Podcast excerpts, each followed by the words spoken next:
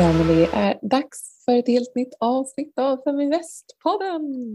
Och det är jag, Mikaela Berglund, och det är... Det är jag, Elin Myrström. Och men det här är den andra podden du gör. Ja, så nu är jag i alla fall lite varm i kläderna. Känner du inte lite mer chill? Och lite, nu kör vi. liksom. Verkligen, ja absolut. Mm. Har du fått mycket respons? Eh, Ja, jättekul faktiskt. Passade ju på, eller vi passade på att dela den på alla möjliga sociala medier och faktiskt är det en hel del killar som har lyssnat på den den här gången. Extra många skulle jag tro. Så det känns superkul. Ja, vad roligt. Jag har ju haft, ehm, det har hänt ganska mycket den här veckan. Både på börsen Ja. men också liksom, maj är ju alltid en så här superintensiv månad. Mm. Jag vet på allting, alla vill ut, alla vill hitta på grejer, klämma in event innan liksom semestern börjar. Så jag har extremt mycket.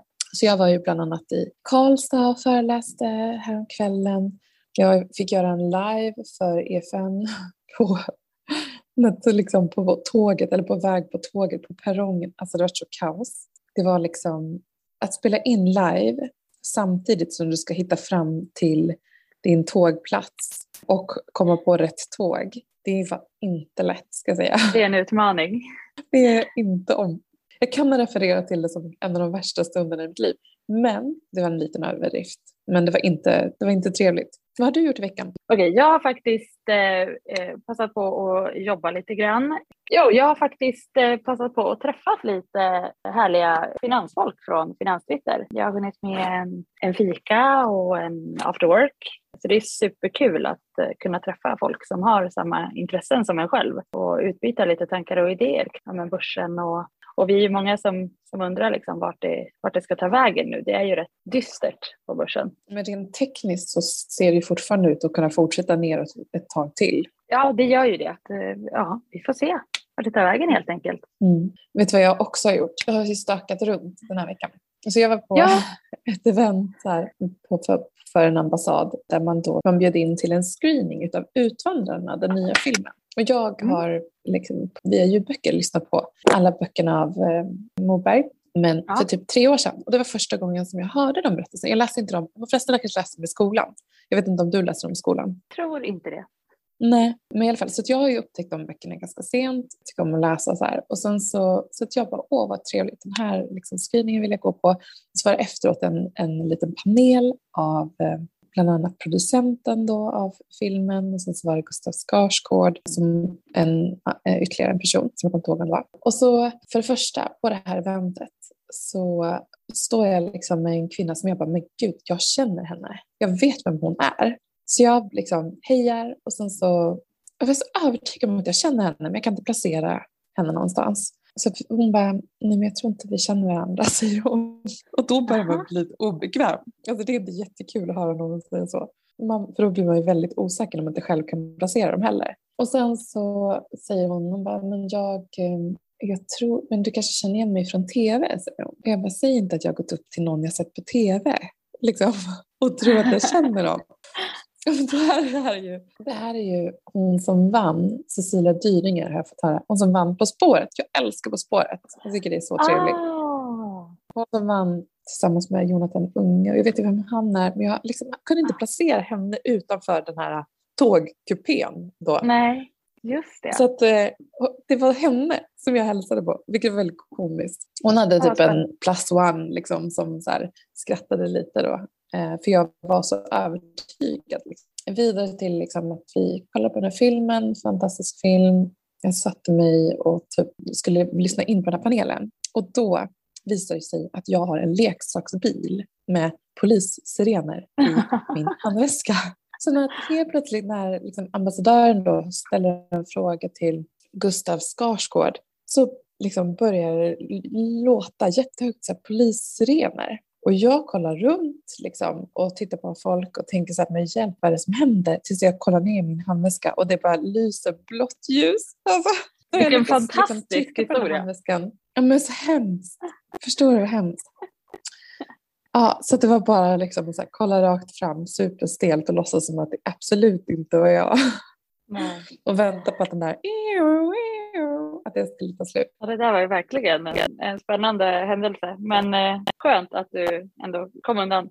Ja, men jag, tror, jag funderar på, liksom, det var i alla fall ingen som sa till mig, det var ingen som blev arg, så det var skönt. Men eh, lite stökig vecka för mig. Hur, eh, hur hanterar du alla de här nedgångarna på börsen? Och... Men jag har faktiskt börjat med en liten utmaning gällande veckobudget. Jag eh, vill gärna tro att jag är väldigt duktig på att hålla i mina pengar och hålla koll på mina pengar. Men jag inser också att jag gör av väldigt mycket på så här, ja men man går och köper en energidryck eller en bar och så där. Så nu från och med den här veckan så utmanar jag mig själv att eh, hålla ner mina kostnader och verkligen alltså, budgetera för hur mycket jag ska handla för och begära för jag menar om jag ska iväg på någon aktivitet. Och, så där. och det funkar väldigt bra måste jag säga. Så jag uppmuntrar verkligen alla att bara se över de här dagliga kostnaderna som man har. För att det är inte så jättesvårt att, att spara in lite här och där och framförallt nu när maten har blivit så dyr så, så kollar jag liksom en extra gång på, på prislappen, vilket jag var dålig på tidigare. Men det är så bra att sätta en tidsbegränsad period också. Då känns ja. det inte så här, du vet, när man ska ha en så här, jag ska inte äta någonting godis på ett år, eller det känns så stort. Liksom. Mm. Men Precis. under en begränsad period bara se över och faktiskt få lite perspektiv på hur man konsumerar. Det är jättebra.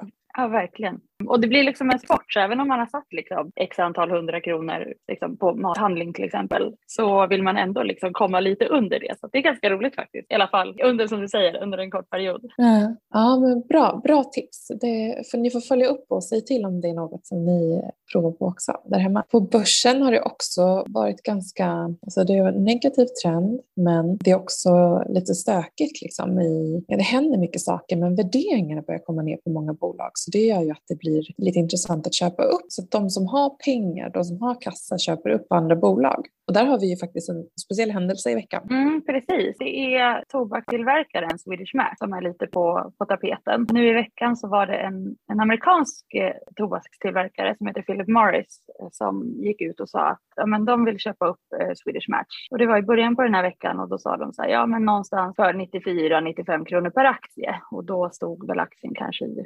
77-78 någonting. Så att på tisdagen så steg eh, aktien 25 procent. Eh, och det är en väldigt stor rörelse i en, i en, en sån typ av aktie. Och bara någon dag senare så gick den upp ytterligare 9% För då sa de att ja, men budet ska väl ligga på 106 kronor istället. Då. Och det här är ju ett, ett klassiskt gammalt svenskt bolag så att eh, det verkar råda delade meningar om, om vad liksom, spararna tycker om de ska bli uppköpta. Men eh, ja, det blir spännande att följa. Ja, men precis. Och det har ju varit flera bolag som har eh, liksom, eller det har spekulerats i flera uppköpare av den här typen av bolag. Ja, det känns som att det har gått ganska fort ändå. Mm. Eh, och det här, men det blir ju mer aktuellt som sagt när värderingarna på bolag kommer upp. Och det finns de bolag som då faktiskt har kassa som kan eh, köpa upp antingen konkurrenter eller försöka komplettera sitt bolag. Och, eh, vi pratade ju lite om det i förra avsnittet när vi pratade om liksom, var, varför, varför gör man förvärv och eh, bolag som använder sig av det som en strategi.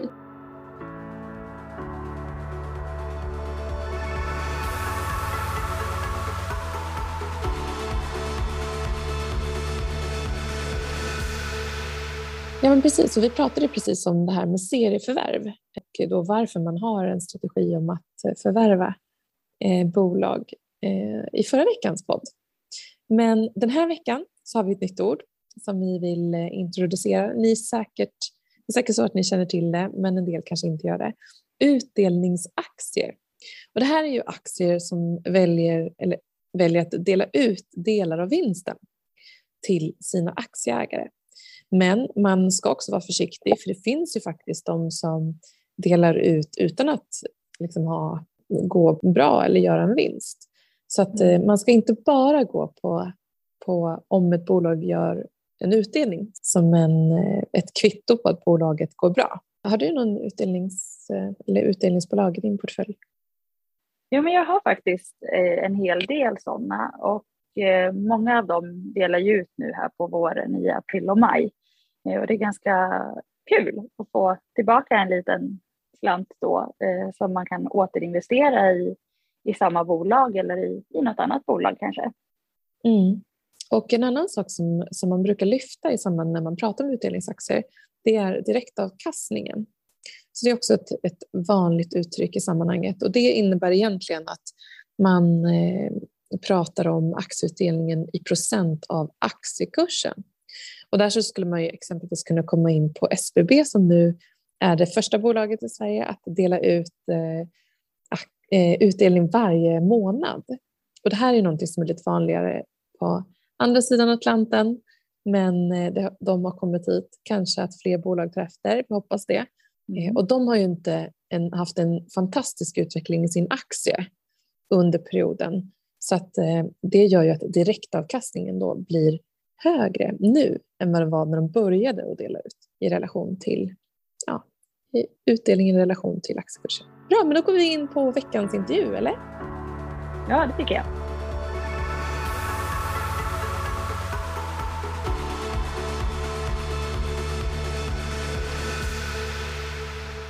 Hörrni, nu ska vi djupdyka in i veckans eh, samarbete och eh, dialogen med en kvinnlig entreprenör som just nu vill expandera sitt bolag och ta in externt kapital och nya delägare. Ja, men då vill vi passa på att hälsa välkommen Hanna Reimers som är grundare utav de veganska produkterna men ni kanske känner igen glassen ifrån frysdisken i butiken där ni handlar. Hanna, vad kul att du är med i Feminvestpodden den här veckan. Tack! Jättekul att få vara med. Hur eh, började den här företagsidén och kan inte du berätta om karriären och hur du har gått tillväga? Absolut. Jag är ju civilingenjör i grunden men har alltid tyckt väldigt mycket om både marknadsföring och mat, men speciellt lite nyttigare mat som är vegan. Och jag har jobbat som marknadschef i Holland många år. Sen blev det ett modersmyckesföretag och sen var det dags för nästa steg och då blev min dotter Lilly väldigt allergisk just mot mjölk. Och eftersom jag är en riktig efterrättsälskare och Lillis också gillar efterrätter väldigt mycket. Så jag blev väldigt eh, biten av glasstillverkning och började experimentera väldigt mycket hemma. Alla vänner fick smaka och så småningom så kom den här idén att det saknades på marknaden någonting som är väldigt gott men också hälsosamt och klimatsmart. Och då bestämde jag mig för att göra det till ett företag som är Lilly och Hannas. Och nu har jag hållit på med det i nio år faktiskt. Så det har varit en fantastisk resa. finns vi ju inne på alla matvarukedjor i Sverige.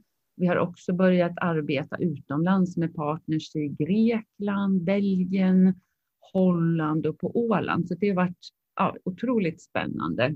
Det låter superhärligt. Eh, men det här var alltså, starten var i 2013. Hur, hur såg man på veganska alternativ och hur funkade liksom det för er då i början? Eh, det har ju hänt otroligt mycket på marknaden sedan vi startade. Då var det ju lite mer udda med veganprodukter, kanske framför allt för allergiker och specialintresserade. Och eh, jag tycker man verkligen kan se eh, eh, ett praktexempel på vad som har hänt är ju faktiskt Oatly med deras i-kaffe som nu absolut inte bara är för veganer eller allergiker. Så de har ju verkligen visat vad man kan göra. Och jag, det är ju mycket intresset för att leva hälsosamt och också mer eh, klimatsmart som gör att intresset för veganmat har ökat så mycket. Och mm. Eh, man kan ju se att också produkterna har genomgått en fantastisk utveckling från att kanske ha varit tråkiga, ganska fula, kanske inte så goda till att vara ja, men, coola kan man väl säga. Fin design, mm. bra smak och väldigt mycket mer tillgängliga. Och nu ser ju jag det som nästa steg att det blir mer och mer fokus på att det som är i produkterna också är bra. För väldigt mycket veganmat är väldigt processad och har mycket tillsatser. Och i och med att det är just hälsa och intresse för klimatet som driver på den utvecklingen så är det ju relevant att ha ett innehåll som faktiskt är hälsosamt och, och mm. klimatsmart på riktigt. Ja, det är jätteintressant att du nämner det här för att eh, när jag fick veta att, att du skulle vara med i podden så passade jag ju på att gå och köpa lite glass. och jag tyckte att det var väldigt smakrik. Jag köpte den med, med jordgubb och cheesecake och den var jättesmakrik och smakade liksom på riktigt och var jättegod. Och hur, hur gör ni när ni väljer smaker och just ingredienser? Hur tänker ni på det? Tack, vad härligt att höra. Du har bra smak du. Och eh, anledningen till att det smakar riktigt är ju att vi använder riktiga ingredienser. Just den smaken innehåller ju 34 procent jordgubbar och eh, alla mm. ingredienser är ekologiska. Det finns inga tillsatser alls. Så det som får vara med i våra glassar är ju ingredienser som man kan hitta på hälsohyllan eller frukt och bär. Vad som skiljer oss från andra glasstillverkare är ju att vi ser på ingredienser på ett helt annat sätt om det är någonting som inte är bra så får det inte vara med. Och det är ingenting som vi gör undantag ifrån. Eh, och sen är det ju samtidigt otroligt viktigt för oss att det är en maffig, härlig smakupplevelse. Men det går ju absolut att åstadkomma med bra ingredienser. Det är ju snarare så att det blir godare när man använder ingredienser av bra kvalitet istället för smakämnen eh, och e-nummer och så. Ja, vi ser oss själva som en ingrediensrebell som fokuserar på god smak, hälsa och klimat. Men kan inte du berätta då om hur du har gått tillväga för att växa och skala och få produkterna till att faktiskt finnas i alla de här butikerna och liksom vara tillgängliga för kunderna världen över? Eller i Sverige ska jag säga, primärt nu, men, men även ut i världen där ni är på väg. I början i Sverige så fokuserade vi ju mest på ställen där man kanske upptäcker nya produkter som konsument. Så det var ju mycket hälsokost, kaféer, lite mer specialhandel och sen med tiden så har vi ju börjat etablera oss mer och mer inom dagligvaruhandeln och då har vi ju fokuserat i första hand på de butiker där man kanske har ett lite bredare urval och lite mer ja, ekologiskt och vegan. Och nu i och med att intresset från konsumenter också har växt för någonting som är hälsosammare och mer klimatsmart så har vi ju lyckats komma ut bredare. Men vi har jobbat väldigt mycket steg för steg och det, vår resa är ju inte på något sätt klar. Vi har ju precis tagit fram nu två varianter utan tillsatt socker som också passar för diabetiker och för de som kör LCHF. Och med de varianterna så har vi lyckats komma ner lite grann i pris, vilket vår avsikt är att, vi ska kunna nå en bredare målgrupp av konsumenter. Så det handlar ju om att anpassa allt från produkt till prispunkt och även hur man arbetar ute i butik för att skapa synlighet. Så hur många är ni som jobbar med företaget idag? Eh, det är ju inget jättestort företag. Från 2013 fram till 2021 så har det varit ett enmansföretag. Sen har vi gjort en kapitalrunda i början av förra året och då har vi ju eh, ja, börjat växa mycket, mycket snabbare. Och eh, nu har vi precis börjat bygga vårt team. Vi har en ny säljchef som började i torsdags förra veckan. Så det är otroligt spännande nästa steg mm. blir att lägga till fler säljare. För just um, bearbetningen av dagligvaruhandeln kräver ju eh, att vi blir fler. Och sen kommer vi också lägga till en marknadschef och en person som kommer jobba med operations. Så att vi har personer ja, i de viktigaste funktionerna för oss. Så att vi har ju varit eh, väldigt, väldigt litet team och nu är vi på väg att växa. Eh, och eh, i och med det här växande teamet, ser ni att ni kommer att förändra affärsmodellen på något sätt? Eller, eller kommer ni att liksom skala nu med de produkterna som ni har exempelvis? Det handlar ju mycket om att komma ut med de produkterna vi har. Och vi har ju listningar hos alla kedjor i Sverige i dagligvaruhandeln. Eh, men i och med att det finns så pass många affärer så kräver det eh, en ganska intensiv bearbetning av väldigt många kunder. Till exempel ICA har 1200 affärer. Så det, det krävs att man är lite fler på plats. Så det handlar egentligen inte om att ändra affärsmodellen, men att växa inom det vi håller på med nu. Framåt kommer vi ju ta fram nyheter såklart. Vad har ni haft för utmaningar? Liksom, vad har varit tuffast fram till där ni är idag? det är ju en tuff bransch för en liten aktör. Man slåss ju mot jättar som Unilever, som är GB och Asia Glass och Triumf. Det är ju bolag med betydligt större muskler än vad vi har och branschen är ju ganska anpassad efter större aktörer. Men jag tror just på grund av att vi erbjuder en ganska unik produkt som har ett bättre innehåll, vilket är viktigt för många, så har vi ändå lyckats ta oss fram. Men det, det är ingen lätt bransch ändå, men det är tur att man gillar den på något sätt med mat och, och så. Mm. Ja, intressant. Och du har kommit in på lite den frågan som följde där om, om just hur, hur marknaden ser ut. Och jag tänker, du kanske är intresserad av en internationell exponering, så den internationella marknaden annorlunda ut? Nej, alltså Unilever är ju väldigt, väldigt stora i eh, hela Europa och i hela världen egentligen vad det gäller glass. Och sen finns det ju, ja men som Tre Vänner, de är ju väldigt, väldigt stora i, i Finland tror jag faktiskt att de är störst. Men det är ju liksom en marknad som är dominerad av väldigt stora aktörer och hur vi har gjort då i, i de länder som inte är Sverige där vi finns så jobbar vi med distributörer som fokuserar lite mer mot ekologiskt, vegan, better for you. Så det är lite mer specialhandel och eh, vårt fokus är ju nu att växa ordentligt i Sverige och verkligen sätta vår affärsmodell och sen när vi har gjort det rulla ut till nästa land. Och fram till dess så kommer vi ju ha fortsatt strategi utomlands att jobba med distributörer som tar hand om affären och då blir det ju inte gigantiska volymer, men det ger ändå en fin marknadsföring av varumärket att synas i den typen av handel som är lite mer premium och där man handlar för att hitta något nytt och spännande. Ja, det låter eh, superspännande verkligen.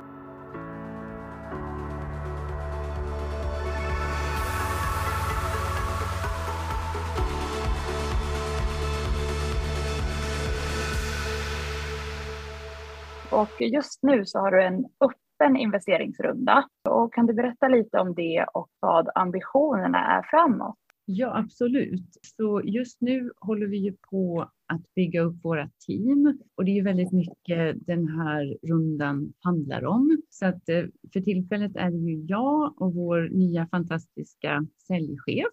Han kommer ju från Red Bull och har med sig en jättefin struktur och, och av kunskap om branschen. Och nästa steg blir att lägga till fler säljare i Sverige och sen har vi också identifierat marknadsföring och operations som väldigt viktiga områden för oss. Så den här rundan handlar om att bygga ett team och sen när vi har det på plats så kommer vi göra en ny runda som är lite större, eh, då det kommer handla mycket om att eh, ja, kommunicera mer med kunderna, att öka vår distribution och även förbättra vår marginal.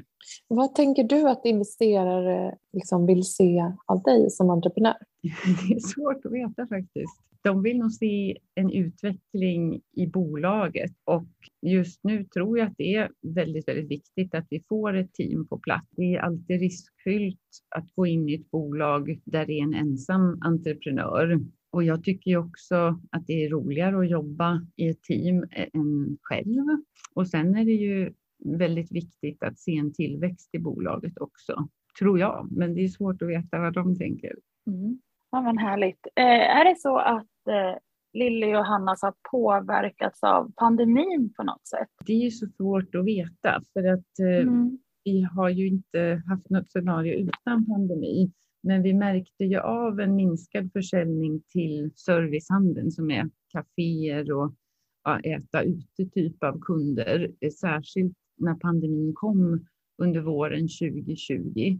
Men det är en väldigt liten del av vår försäljning eh, som går till servicehandeln. Vår absoluta eh, huvudmålgrupp är ju dagligvaruhandeln och eh, ja, lite där i början av 2020 så var det en viss påverkan i dagligvaruhandeln också för det var så många som var sjuka på kedjornas lager så det var svårt för dem att hinna med och så kanske de prioriterade andra produktgrupper än glass. Om ni minns så var det ju stort att man skulle hamstra massa mat och så.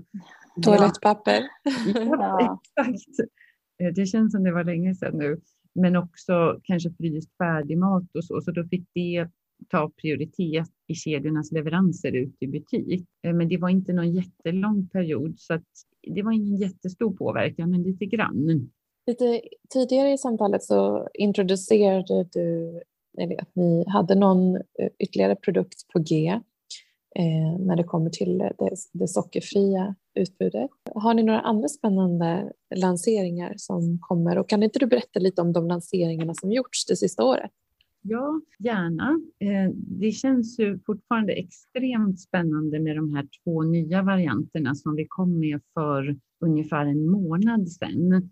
Och vi har ju sett en väldigt stark utveckling på marknaden att det är många som efterfrågar produkter utan tillsatt socker.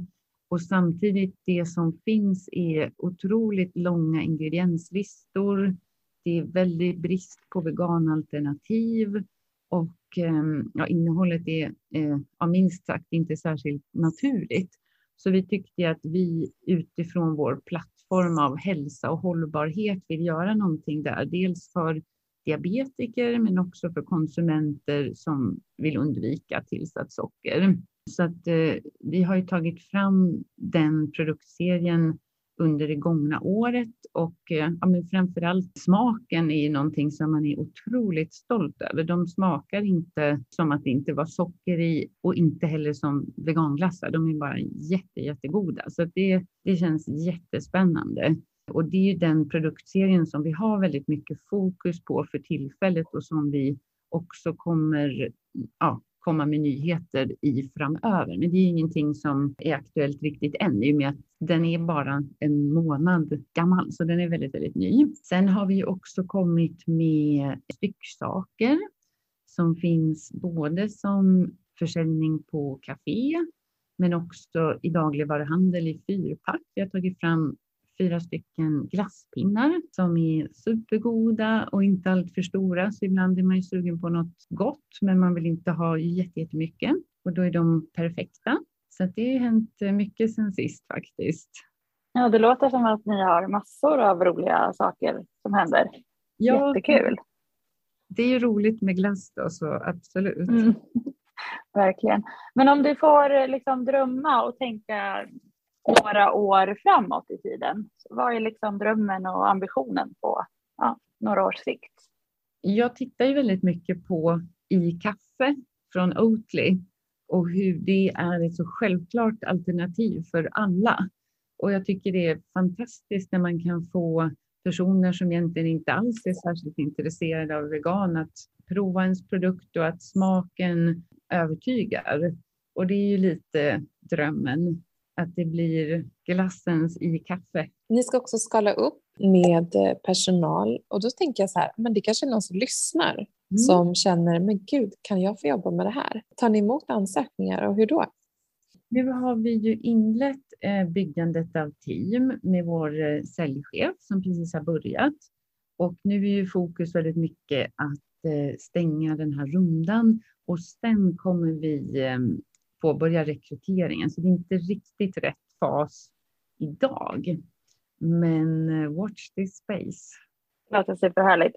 Vi var inne lite på det tidigare. Du nämnde att det finns eh, många eh, stora aktörer som gör liksom, liknande typer av eh, produkter. Vad är, liksom, vad är pitchen? Vad är det som gör att, att ni kommer liksom lyckas fastän ni har, är ett mindre bolag? Det stämmer ju att det finns många större bolag som gör liknande produkter på det sättet att de gör glass. Mm. Men vi är väldigt unika med att ha ett vegansortiment. Det är väl egentligen bara vi och Oatly som har det. Sen har väl de flesta aktörerna gjort några veganvarianter, men deras huvudfokus är ju fortfarande på mjölkglass om man säger så. Och som varumärke kan det vara väldigt viktigt att ta ställning och stå för någonting. Och det gör ju vi på ett sätt som är väldigt ovanligt i den här branschen. Men det som verkligen skiljer oss åt är ju just att vi är ett företag som fokuserar på ingredienser på ett sätt som är helt unikt i glassbranschen. Vårt sortiment är, vi har inga smakämnen, vi har inga tillsatser, eh, vi har inget vitt socker. Det mesta av det vi gör är ekologiskt, allt är vegan. Så vi är ju liksom ingrediensrebeller som fokuserar på att skapa otroligt god smak, men på ett hälsosamt och miljövänligt sätt. Jag tror man kan säga att hela glass, eh, glassbranschen fokuserar på god smak, men jag känner inte till någon annan aktör i Sverige i alla fall som har ett fokus på att ha bra ingredienser. Eh, och det är någonting som fler och fler konsumenter bryr sig om. Dels för att man vill värna om den egna hälsan, men också för att man tycker att eh, klimatet är viktigt. Så det är starka drivkrafter. Mm. mm. Och jag vill eh, nu när vi närmar oss slutet kommentera att det är ju alla typer av investeringar som man gör där man liksom göra en, en egen DD-process jag brukar säga att du ska förstå vad du investerar i, du ska förstå vilken marknad bolaget rör sig i och eh, även liksom tro på prognosen och tro på eh, bolagets eh, resa framåt och titta på även finansiella siffror och så vidare. Eh, så att du som är intresserad eh, kan gå in och läsa på för all information, finansiell information, också vad som hänt i, i, för Lilja och Hanna under det sista året finns samlat på en kampanjsida hos bolaget Acumeo där Liljehanna nu då gör den här kapitalanskaffningen.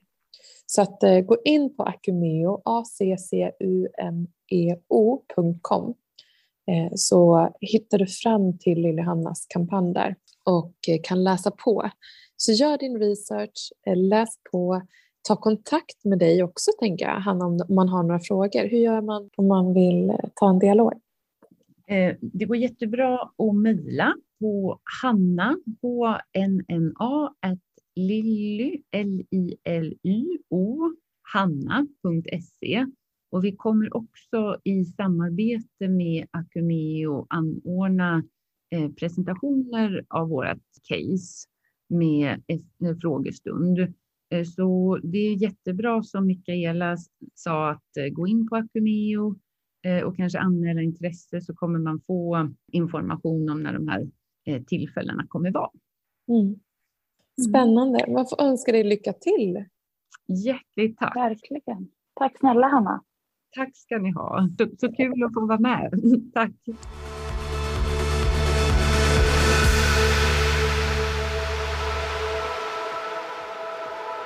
Feminvest är Sveriges största investeringsnätverk för tjejer. Vi vill att allt fler ska våga äga och förvalta. Och hur gör vi då detta? Jo, vi vill inspirera, utbilda och utmana runt ägande, investeringar och entreprenörskap. Följ Feminvest på våra kanaler Facebook, Instagram, Youtube. Varje vecka så kommer vi även ut med en podd och du kan ju självklart även följa nyheterna som publiceras på feminvest.nu. Det är bara att söka på Feminvest på samtliga kanaler så hittar du till oss.